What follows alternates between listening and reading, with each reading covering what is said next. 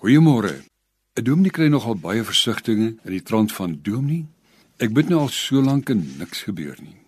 My finansies bly nog steeds benard. Om die waarheid sê, ons moet nou ernstige keuses maak om af te skaal. Ai, dominee, jy weet hoe die nuus van die kanker by my man ons hele lewe tot stilstand geroep het. Ons bid, maar dit lyk nie of dit beter gaan nie. Dominee, wat gaan van ons land word? Dit lyk my die Here hou nie op om ons te straf nie. Net as 'n sprankie van hoop kom, word dit weer geblus soos 'n kersvlam in die wind. Dis asof God nie hoor nie. Dit was Israel se klagte in die dae van die profeet Jesaja en ook honderde jare daarna in die gemeente van Korinte. Albei kla dat die Here hulle nood nie hoor nie.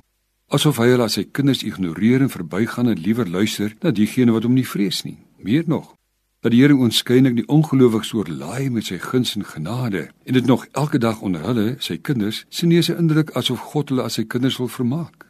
As in Jesaja 49 vers 8 die volk van die Here uit die vreemde land versigtend roep om verlossing met die kreet: "Hoe lank nog, Here?" dan kom die antwoord: So sê die Here: Op 'n tyd wat ek goed dink, sal ek jou gebede verhoor.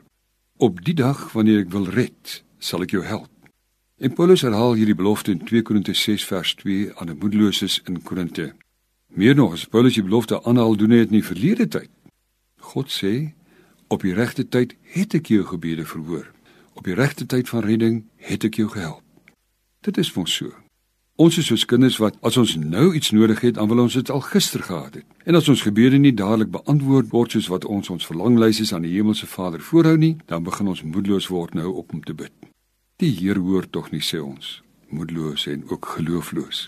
Die feit is dat elke gebed van God se kinders by die Vader se oor uitkom. Dis 'n wonderlike voorreg om 'n almagtige Vader te hê wat hoor en kan ingryp en 'n verskil maak. Daarvoor sorg die Heilige Gees. Romeine 8:26 skryf Paulus: Die Gees staan ook ons in ons swakhede by. Ons weet nie hoe om en wat om te bid nie, maar die Gees self pleis vir ons met versigtings wat nie met woorde gesê word nie. En God wat die harte deurgrond, weet wat die bedoeling van die Gees is, want hy pleit volgens die wil van God vir al die gelowiges. Ons weet dat God alles in goeie laat meewerk vir hom wat hom liefhet, vir die wat volgens sy besluite geroep het. Kom wees nou eerlik. Dink terug aan die lewenspad wat jy geloop het. Die volgens jou begeerte, jou verlanglyse aan God voorgelê gevra het dat jy dit so of so moet beantwoord. En dit gebeur dit nie soos wat jy dit wou hê nie. Hy of sy het die werk gekry wat jy so begeer het. Hy of sy is so getroud met die persoon op wie jy verlief geraak het. Hy of sy het 5 kinders terwyl jy nie eers een het nie.